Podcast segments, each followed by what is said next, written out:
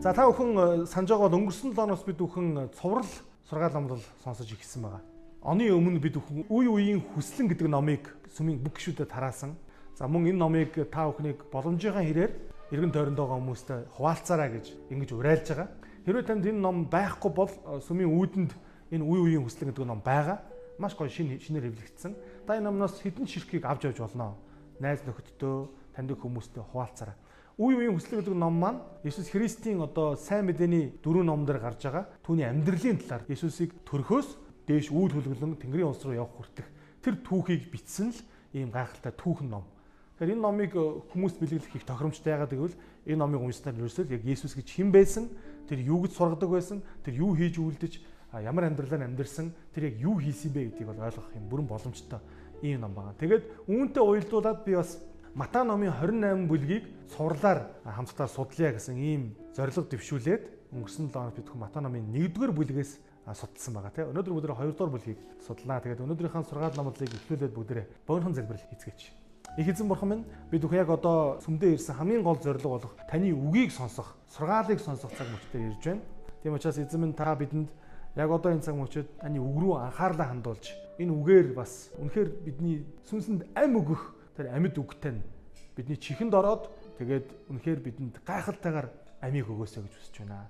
Бурхан минь таны үг бол үнэн тэгээд энэ үнэн биднийг чөлөөлдөг гэж таваараа хэлсэн. Тийм учраас эзэн минь үгийг сонсоод үнэхээр бид бүхэн бас чөлөөлөгдөж гайхалтайгаар их эзэн тань дотор дахин шин бүтээл болж дахин шинээр төрөх болтугай. Иесусийн нэрээр амен.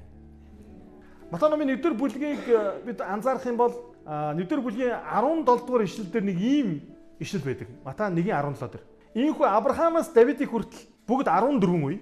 Давидаас Вавилон руу цөлөгдөх хүртэл 14 үе. Вавилон руу цөлөгдснөөс Христийн үеийг хүртэл 14 үе. Үндсэндээ Матай гэдэг энэ Библийн зохиогч Иесусийн шав хуучин гэрээний Израильчүүдийн түүхийг 3 үечлэлд хуваасан байна. Эхнийх нь анхны еврей хүн болох Авраамаас Израилийн агуу хаан Давид хүртэл 14 үе байгаа. Одоо угийн бичгээр ярих юм бол тэ. За ингээд Давид хаанаас Израильчууд Вавилоны дарлалд орсон үе буюу Даниэлийн үе хүртэл те дахиад 14 үе гэж. А ингээд тэр Вавилонд цөллөгдснөөс хойш Есүс Христийн үе хүртэл буюу яг одоо энэ амьдарч байгаа энэ цаг үе хүртэл гэдгээ Матай энэ цаг үеийг хэлж байгаа те. Энэ үе хүртэл дахиад 14 үе. Ингээд яасан байна? 3 14-нд хуваасан байгааз 3 14 гэдэг чинь юу гэсэн үг вэ? 6 7 үе гэсэн үг. Зөв үү? 6 7 үе.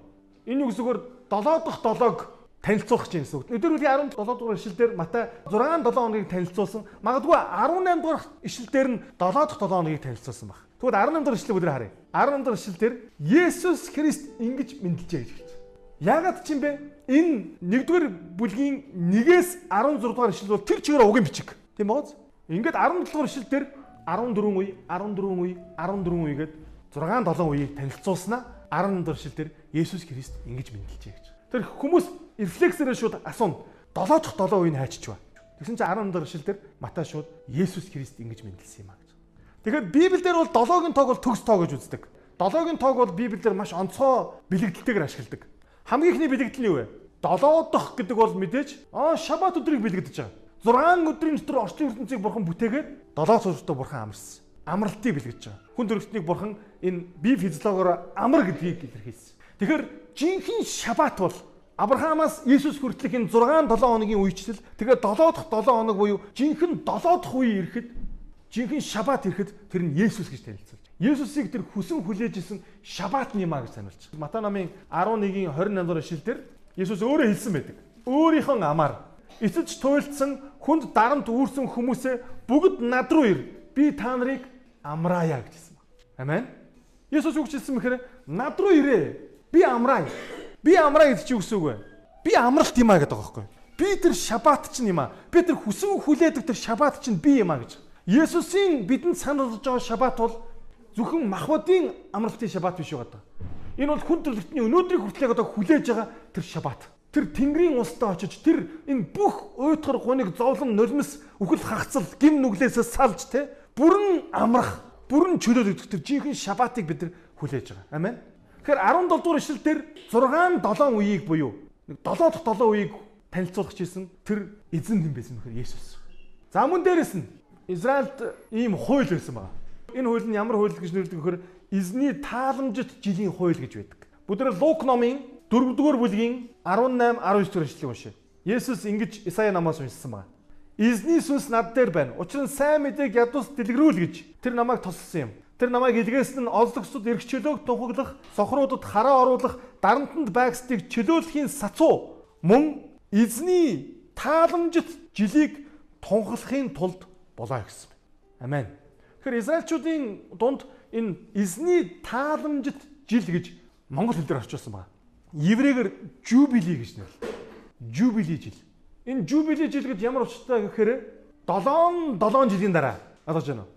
7 7 жилийн дараа би 49 жил байгааз ингээд 49 жилийн дараа 50 дахь жил болоход эзний тааламжит жил гэдэг тунгалдаг. Энэ 50 дахь жил ямар учиртай жил вэ гэхээр бүх юм ихэлсэн байрандаа эргэж очдог. Энэ юу гэсгээр эцэг хүүхдийнхөө алдсан байсан газрыг эргүүлэн авах бололцоотой. Энэ жубили жил таарсан жил та боолоос чөлөөлөгдөж чөлөөтгөн болох бололцоотой. Энэ жубили жил бол та хэн нэгэнд өртөө байсан бол жубили жил тааруул та энэ хуулийн дагуу бүх Израиль дээр бүх хүмүүсийн өрд цайрдаг ийм жил байсан баг. Тэг хүмүүс хүлээдэг те энэ амьдарж байгаа миний энэ амьдарж байгаа үед энэ жубили жилийг тохиолдчихаасаа. Яг бол 50 жилдээ нэг удаа болох нь шүү дээ. Тийм байгаа. Тэг үүнийг хүлээдэг. Тийм учраас Есүс хэлсэн байгаа сте. Олзлогчдод эрх чөлөө. Шорондоо гун гарна энэ жил. Өртөө хүн өргөө болно. Боол хүн боол биш болно. Газраа дээрэнд өссөн худалдсан, зарсан те залилуулсан бол буцаад тэрийг авах хэрэгтэй болно. Ингээ бүх юм буцаад байранд орж бүх юм буцаад эзэн дээрээ ирдэг ийм жил бүх бараан дурсамж, бүх өнгөрсөн тэр боолт байсан, шоронд байсан, өртөө байсан те хоосон онжсэн, газаргүй байсан, барилгагүй байсан, ид хөрөнгөгүй байсан, малгүй байсан. Тэр бүх бараан түгэд бүх бүгд алга болоод бүх зүйл эргэж ирнэ гэсэн. Тэгээ үүнийг эзний тааламжид жилгээд байгаа. Тэгэхээр 6 7 үеийг Мата хамгийн түрүүнд танилцуулаад тэгээд Есүсийг 18 дараа шил дээр шууд хэлж байгаа. Есүс Христ ингэж мэдлж. Тэгэхээр Есүс бол үнэхээр жинхэнэ хүн төрөлхтний Израильчуудын хүссэн хүлээж исэн тэр тааламжит жилийг танилцуулсан. Жинхэнэ жубили бол Есүс байсан баг. Есүс бидний амьдралд орж ирэхэд яг бүх зүйл чинээр эхэлдэг. Коринт номдэр хэлсээр Есүсийг амьдралдаа оруулснаар бид шин бүтээл болдог. Амен. Яохан номдэр хэлснээр бид дахин төрдөг, дээрээс төрдөг, сүнснээс төрдөг. Амен. Эфес номдэр үгүйснээр бид бүхэн эзэн дотор бүрэн хоёуг дуулыг өмсөж түүн дотор өөрчлөгддөг. Есүс Христэд итгэснээр бидний амьдрал өөрчлөгдөж. Тэр бол жинхэнэ жубили. Итгэл найдвар хүмүүс итгэл найдварыг олж гуниг зовлон ганцаарл гансрал өөтөр гуниг тавтагдсан хүмүүс тэд баяр хөөргийг эдэлж байгаа. Тийм учраас Есүс хэлсэн эцэж туйлдсан хүн дарамт үүрсэн хүмүүсээ та нар бүгд над руу ирээ. Би та нарыг амраая гэсэн. Эзэн өөрийгөө би бол тэр жинхэнэ шабат чинь. Би бол тэр жинхэнэ жубили чинь би юм а гэж хэлж байгаа. Амен. Ингээд 18 дахь ишлэлээс харах юм бол Есүсийн төрөлтийн талаар өгүүлж. Нэгдүгээр Матай нэгдүгээр бүлэг бүлгийн төгсгөлд өгүүлэхдээ Есүсийг онгон бүсгүйгээс төрсөн гэдгийг дөрвөн удаа бүр дөрвийн дөрвөн удаа энд илэрхийлсэн ба. Хамгийн ихнийх нь 18 дугаар ишлэлдэр Есүсийн их майр Йосефтэй сүү тавиад дэр нийлэхээс өмнө хевлидэ ариун сүнсээр хүүхэдтэй болсон байлаа. За энэ ихнийх нь байна тийм үү? Дэр нийлэхээс өмнө. Энэ үгээр сүү тавьчихсан байсан хараахан нэг гэрт ороогүй, хараахан дэр нийлээгүй, хараахан бидний хэлж байгаа нөгөө нэг 90 юм хоёрын эхнэр нөхөр хоёрын үйлддэг те тэр бэлгийн харилцаа гэдэг энэ харилцаанд хараахан ороогүй байсан. Тэр үедээ яасан бэхээр ариун сүнснээс хүүхэдтэй болсон гэж байна. Тийм байгааз? За. Дараагийнх нь 20 дугаар шил дээр ингэсэн байна. Харин түүнийг тийм бодож байх үед эзний тэнгэр зүүдэнд нь үзэгдэж Давидын хүү Йосефо Марийг эхнэрээ болохоос бүү эмэгтэн учир нь түүнд олдоод байгаа нь ариун сүнснийх юм а гэж. Йосеф юу гэж бодож байсан мэхээр Марийг гутамшиг болгохыг хүсээгүй учраас нууцаар салахыг хүссэн баг. Хэрвээ Йосеф Мартай суучихсан бол яах байсан мэхээр шууд тэр хүүхэд Йосефих болж таарна. А тэгээ гэхдээ Йосеф дотор нь өөрт нь юу байх вэ? Нөгөө нэг эргэлзээ, нөгөө нэг үл итгэл нь байгаа л ах байсан. А гэхдээ хүмүүс бол гадна талаасаа а Йосефийн хүүхдээ Өдөрсөн нийгэмд ийм үзэгдлүүд бас байдаг шүү дээ, тэ? Амьдрал баялаг учраас өндөө олон юм зүйл тохиолдож идэг. Тэгээ шууд аав болдог, тэ? Одоо бүр нийгэм хөгжөөд бүр шууд өвөө болж байгаа тохиолдож байна шүү дээ, тэ? Хүндээс уухгүй явж явж байгаа хүндээс сонсож шууд өвөө болцдог, тэ? Йосеф бол шууд аав болчих. Уул нь ихнэр авсан чинь шууд давхар бонус хүүхдтэй өрөөд ирж байгаа байхгүй. А хэрвээ Йосеф Марийг орхиод явсан бол хүмүүс юу гэж үзэхөөсгөр аа энэ хүүхд нь Йосеф биш юм байна. Ингээд Мар гутамшигт байдалд орно. Тухайн үеийн хуулиараа бол ясгэр Мар чулуугаар шидүүлж өөхөх ийм ялд орох хэрэгтэй. За тэгсэн чинь 20 дугаар шил дээр Тэнгэр элч Йосефийн зүудэнд үүсэн бэхээр түүнд олдоод байгаа нь ариун сүнсэх. Матай энэ дахиад хоёр дахь удаадаа яасан байх нь вэ? Майр бол онгон байсан. Тэгээ түүнд олдсон одоо энэ ариун сүнс юм байна. Дахиад Матай үүнийг хоёр дахь удаага давтчихж байгаа. Тийм байгааз. За ингээд цааш нь өргөжлүүлье. 23 дугаар шилдэр. Харагтун онгон бүсгийн хүүхэдтэй болж хүү төрүүлнэ. Тэгээд түүнийг Имануэл орчуулбал бидэнтэй хамт буй бурхан гэж нэрлэнэ гэсэн юм аа гэж. За Матай 3 дахь удаадаа Марийг онгон байсан гэдгийг энд 3 дахь удаадаа илэрхийлж байна. Гэтэ энэ удаадаа бол Исаи намын 7-гийн 14 дугаар ишлэлийг шууд иш татаж энд оруулж ирсэн байна. Исаи ном бичигдснээс хойш яг энэ ишлэлийг өөр хинч хуучин гэрээний ч шинэ гэрээний ч нэг ч иш үзүүлэгч нэг ч бичээч энэ ишлэлийг ингэж ашиглаагүй. Зөвхөн Матай ашигласан. Ингээд 3 дахь удаадаа яасан мэхээр Марийг онгон байсан гэдэг. Энэ онгон төрөлт нь өөрөө манай эртний өмнөх 700-аад оны үед аль хэдийн Есүс төрхөөс 700 жилийн өмнө зөгнөгдчихсэн байсан юм а гэдгийг энд баталж хэлсэн байна.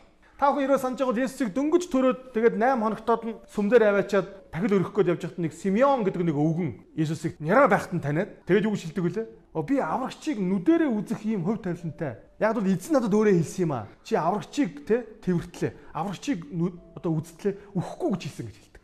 Тэгээд уламжилт үзлэр буюу Библийн тайлбарл мөн уламжилт бичээсүүдээр үгж үздэг вөхөр энэ Симеон гэдэг өвгөнийг бараг 200 алсан гэж үздэг юм байна. Яагаад вэ гэсэн чинь би өнгөрсөн 7 хоногт хэлжсэн те Библийг хуучин грек грек хэл рүү орчуулах ажил явагдсан. Ер нь еврей соёл маань грекчсэн ийм шилжилт явагдсан гэж хэлж байгаа. Тэгээ үүнийг Септугент гэж нэрлэдэг. Септужент гэж англиар хэлдэг. Энэ 70 хүний орчуулга гэж нэрлэдэг. Тэгээ энэ номыг ингэж хуулж бичдэг байсан байгаа даа. Хүмүүс гараараа. Ер нь Библийн бүх номыг л хүмүүс хуулж бичдэг байсан шүү дээ. Олон хувлаад хуулж гараараа бичээд хадгалдаг байсан тийм үстэй. Тэгсэн чинь энэ Симеон гэдэг үгнийг уламжлалт үзлэр шүү. Библиэр байхгүй л дээ. Тэр Библийг ингэж хуулж бичдэг хүн байсан гэж байгаа. Тэгээд Исаи номын 7-гийн 14 дээр хуулаа явьсан чинь нөгөө нэг онгон бүсгий хүүхэдтэй болж хүү төрүүлнэ гэдэг хэсэг бичихгүй юу хуулаад. Тэгсэн чинь Симеон гэдэг үгэн дотроо гэсэн гэж байгаа. Ийм гэж юу явах вэ тэгээд. Тэгсэн чинь тэр үед эзний тэнгэрлж үзэгдээд Симеона үхэхээс өмнө чи наад онгон бүсгээс төрсэн аврагчийг нүдэрээ үзнэ гэж өөртөө хэлсэн. Гэж үздэг юм байна. Тэгээд энэ үгэн үхэхгүй бараг 200 насалсан. Тэгээд Есүстэй таарсан байна. Яг энэ бол Библиэлд байдаггүй ч гэсэн уламжлалт үзлэр үнийг ингэж тайлбарлаж хэлдэг юм байна.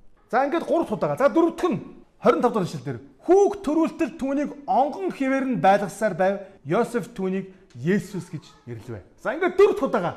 Бид нар үндсэндээ сая 18-аас 25 хүртэл буюу 7 ишлэл дотор Матай дөрвөн удаа Есүсийг төрүүлсэн ээж Мар онгон байсан гэдгийг энд Матай дахин дахин давтаж нэг санаагаа хэлээд байгааг анзаарч.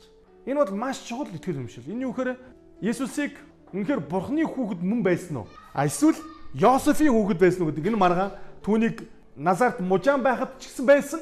Дараа нь үйлчлэлийн 3 жилийн хугацаанд ч гэсэн энэ яриа яригдж байсан тий. Өө эн чинь нөгөө нэг Йосефийн хүн биш үү? Хүмүүс таньдаг бүр тий.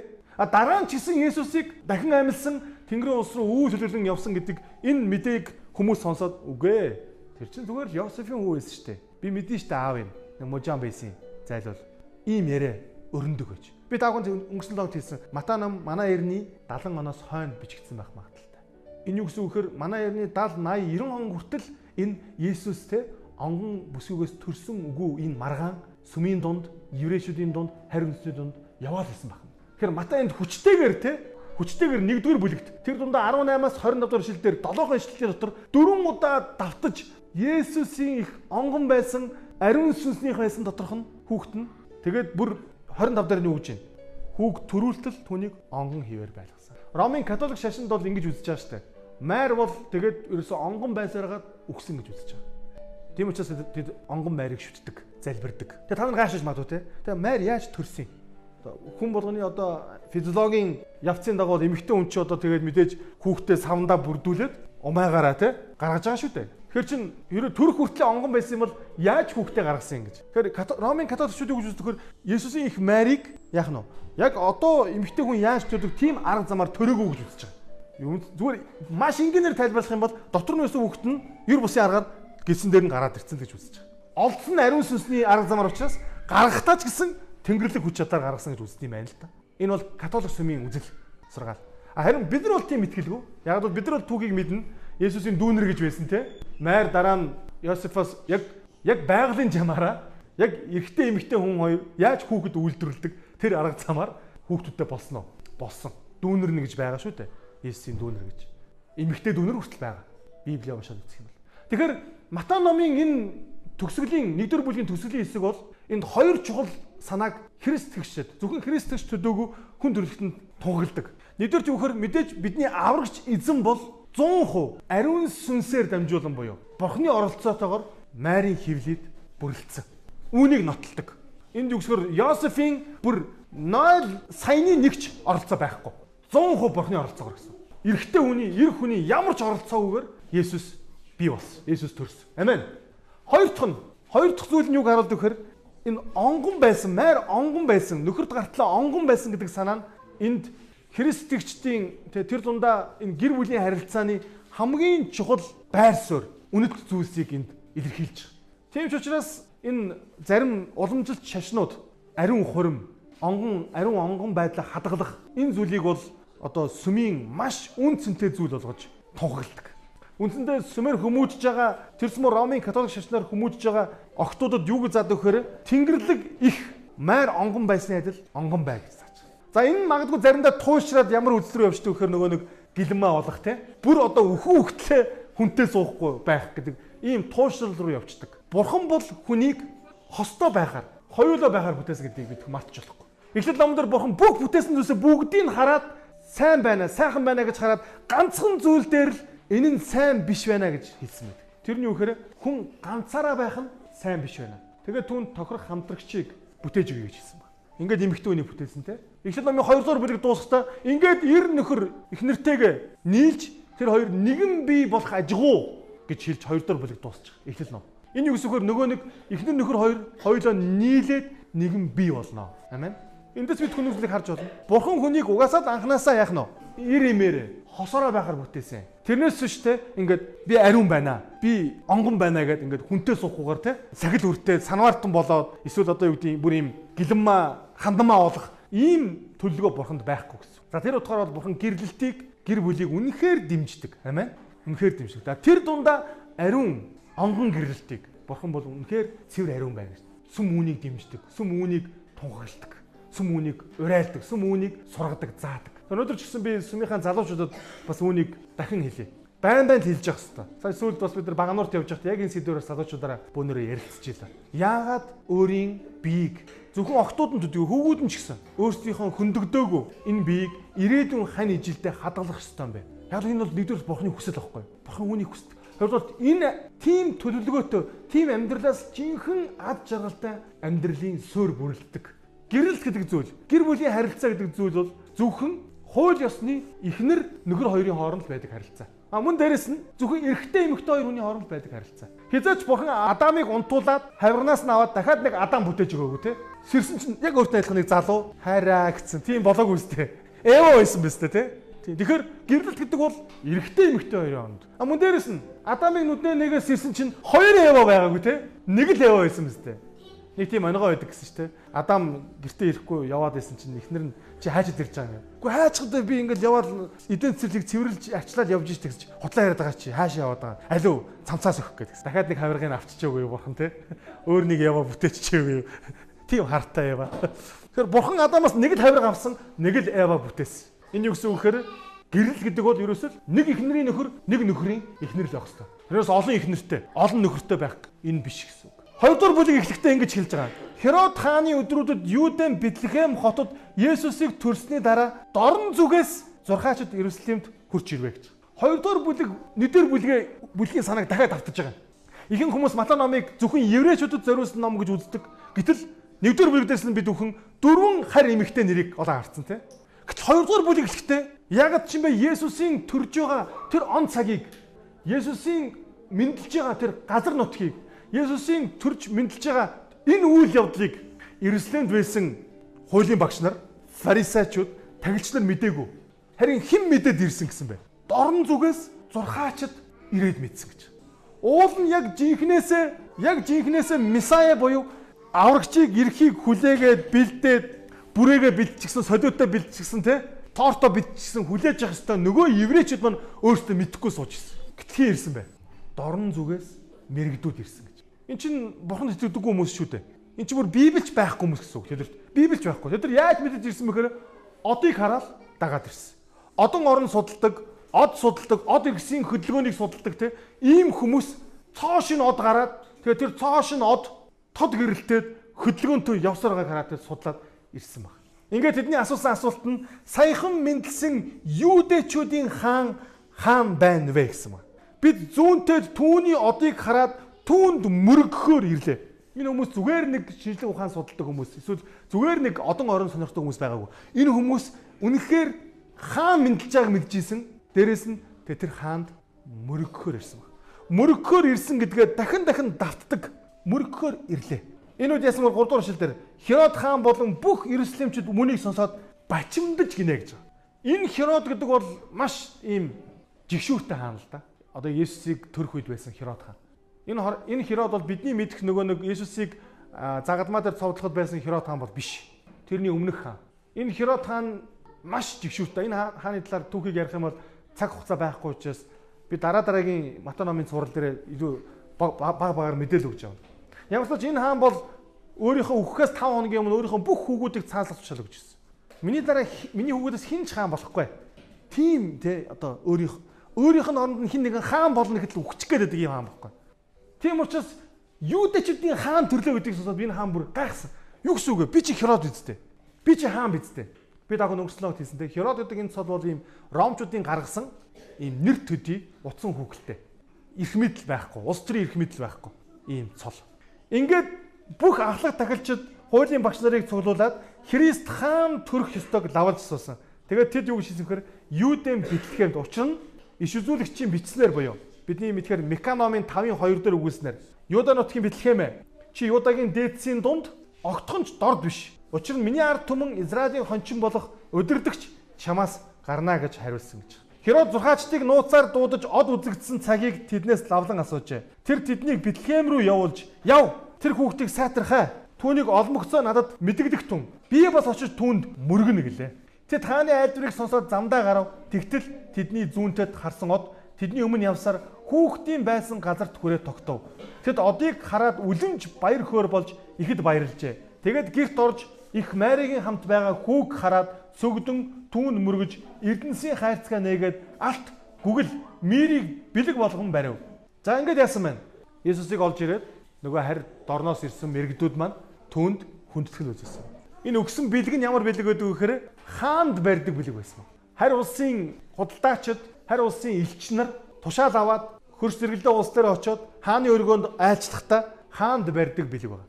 Энэ үгсгээр энэ дорны зурхаачд цүнхэнд нь хаанд барьдаг бэлэг байсан. Тэр бэлгээ бол Херодтой уулзтаа өгөөгүй. Яасан бахна. Жинхэнэ хааныг хайж ирж тэгээд малын твшинд байгаа тэр бяцхан хүүгийн өмнө тавьсан энэ гурван бэлэг нь хаанд өргөсөн бэлэг байсан баг. Ингээ бид нар түүхийг сайн мэднэ. Тэд яадаг яадаг гэхээр зүүдэнд нь бурхан энэ хүмүүст Херод хаан руу битгий очоо зүгээр нутг руугаа буцаад яв гэдэг ийм зөвлөгөө. Ингээд явсан байна. Тэднийг явсны дараа эзний тэнгэрлэгч Йосефийн зүүдэнд үзэгдэж. За энэ хоёр дахь удаага тий.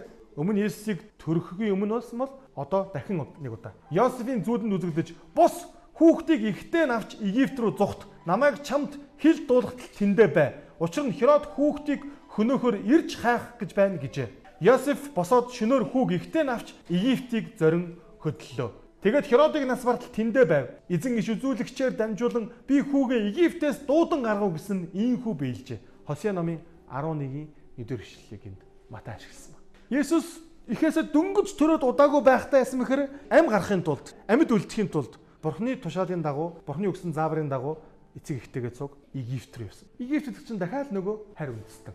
Бидний аврагч эзнийг ам аврагдаж, ам зогоож, аврал ирж бүхлээс аллагаас мултран амиа аврахын тулд очисон газар нь харь үндэстний газар байсан байна. Ягаад гэвэл Херод хаан хоёр наснаас доош бүх хүүгүүдийг Бэтлеhem хотын бүх хүүгүүдийг алах ийм зарлиг гаргаж ирсэн байна. Ингээд зүгтсэн. Мэдээж энэ үйл явдлыг та бүхэн сонсоод нэг зүйлийг санджиж магадгүй. Яг Израильчууд те Египт рүү очисон тэр түүх санаанд орж. Израильчууд Египт рүү очиод Египтээс гарсан тийм үү? Энэ үйл явдал яг дахиад давтагдж байгаа мэт. Матай номыг унших юм бол яг нэг шинэ Мойсе гарч ирж байгаа мэт ийм мэдрэмж төрдөг. Мойсе Израилийн ард түмнийг Египтээс гаргаад Синай хуулан дээр авчираад яадаг вүлээ Бурханаас 10 хуулийг авдаг тийм үстэй. Гэтэл Есүс гэдэг энэ аврагч, энэ өдөрдөгч, энэ Бурханы хүн, энэ Бурханы хүү яасан мэхээр өөрийн ард түмнийг дагуулan уулан дээр аваачаад тэгээд уулан дээрх сургаал гэдэг агуу сургаалаа заасан. Сүнсэн дотроо ядуу хүмүүс ерөөлтэй гэж. Тэгэхээр яг Синай уулан дээр 10 хуулийг аваад зогсож байгаа Мойсе яг тэр олон хүмүүсийг уулан дээр авчираад сургаалаа зааж байгаа Иесус хоёрын дүр төрх нь ингээд төстэй анзаараад байдаг. Яалч хүнийг шин өдөрдөгч те шин аврагч, шин гитлэгч, шин чөлөөлөгч гарч ирж байгаа юм шиг. Амен. Тэр бидний аврагч бол чөлөөлөгч бурхан юм аа. Амен. Чөлөөлөгч. Тэр өөрийн ард түмнийг Израилаас чөлөөлсөн шиг яг л Йосефийн зүудэнд юу гэж хэлсэн бэ? Түүнийг Есүс гэж нэрлэл. Ягаад гэвэл тэр өөрийн ард түмнийг нүглээс нь аварна гэж хэлсэн. Амен. Энэ хоёр дахь Мойсе буюу Есүс биднийг гим нүглээс мөн чөлөөлөх гэж ирсэн. Мойсе хэлсэн баг. Амен. Ингээд Херод зурхаашд мэхлэгдснээ мэдээд ихэд хилгэнэн тэднээс тодруулж авсан цагийн дагуу хүн явуулаад бидлэгийн болон түүний ойр орчимд хоёр болоод түүнээс доош насны эр хүүстэй бүх хүүхдийг хөнөөлгөө гэж аимштай зүйл болсон байна тийм. 19 дэх эшлэлдэр харин Херодыг нас барсны дараа Египтэд эзний тэнгэр илч Йосеф зүүдэнд нь үзэгдэж бос хүүг ихийнх нь хамт авч Израиль бүтэд оч. Хүүхдийн амийг хайгчд үхсэн гэвэ. Тэр босож хүүг ихтэй навч Израиль нутагт ирэв. Тэгээд Назар гэгдэх хотод очиж сууршив. Назарынх гэж түүнийг дуудах болно гэж иш үзүүлэгчдэр айлдсан ийхүү биелэгдэжээ гэсэн. За тэгэхээр хоёрдугаар бүлэг маань ерөнхийдөө бол Египтээс гарсан гэдэг бүлэг байж болох. Нэрлж болохоор ийм бүлэг. Ягаад ч юм бэ? Эхлэл ном Библийн эхний номтэй Эхлэл гэдэг нэртэй. Тэгээд хоёрдугаар ном нь Египтээс гарсан гэдэг нэртэй байдагтай адилхан. Матай номын 1 2 дугаар бүлэг, тэрс Матай номын 2 дугаар бүлэг бол Египтээс гарсан гэдэг бүлэгтэй адилхан. Гэхдээ энд бид хүн төгсгөлд нэг зүйлийг анзаарч байна. Энэ юу гэхээр Матай номын 2 дугаар бүлэг бол Есүсийн амь нас яасан бэ? Эрсдэлд орсон бүлэг байна. Төрөөл сатан түүнийг устгахыг хүссэн. Энэ юу гэсэн үг хизээ нэгэн цагт яах вэ Есүс? Яг энэ үйл явдлаас 33 жилийн дараа яах вэ Есүс? Угаасаа л амь насаа бидний төлөө загалмаа дээр өргөнө. Тэгэхээр яг тэр үйл явдлын тусгал нь энд биелэгдэж байгаа. Энд харагдаж байгаа. Есүсийг загалмаа дээр цовдлогдох тэр үйл явдал. Та бүхэн анзаарч байна. Есүсийг төрөх үед тэнгэрт од үзэгдэж те хөдөлгөөн өөрчлөгдөж шинэ од гарч ирж гялалзаж хүмүүст одоор шинж тэмдэг мэдэгдэжсэн бол Есүсийг загалмаад цовдлогдоход яасан бэлээ? Харанхуу болж тэнгэр хав харанхуу болж бас тэнгэр од ирэхс юмс үзэгдэл тэнд маш нэг онцгой зүйл болж байгаа бас гэрчилж ирсэн. Есүсийг төрөхөд тэнгэрт шинж тэмдэг үзэгдсэн. Есүсийг загалмаад цовдлогдоход яасан бэ? Шинж тэмдэг үзэгдсэн. Есүсийг төрөх үед түүний эцэгт зүүдэнд нь бурхан айлдчихсэн шиг Пилатыг ч гэсэн Есүсийг цовдлох шийдвэр гаргахын өмнөхөн түүний ихнэрт нь яадаг вүлээ? Бурхан зүүдэнд нь айлддаг. Матаномын үйл явдал хэдийгээр баг балчир өчүүхэн няра Есүсийн үйл явдал мэт боловч энэ үйл явдлын ерөнхий цаад утга санааг нь харахаар энэ ирээдүйд түүн тохиолдох хүн төрөлхний төлөө их тэр агуу үйл явдлын юу байсан байх нь тусгал нь зөгнөл нь байж исэн байна. Матаномын 2 дугаар бүлэг бол бидний чөлөөлөлтийг бидний гим нүглээс аврагдсан аврагчийн гайхалтай загалмай дээр үйл явдлыг харуулдаг. Тэр өнөөдөр би та бүхнээс асууя. Та бүхэн Херодын талд байна уу? Эсвэл Пилатын талд байна уу? Эсвэл Йосефийн талд байна уу? Та өнөөдөр хэний талд амьдарч байгаа вэ? Та Есүсийн талдаа байсаар хэвээр байгаа юу?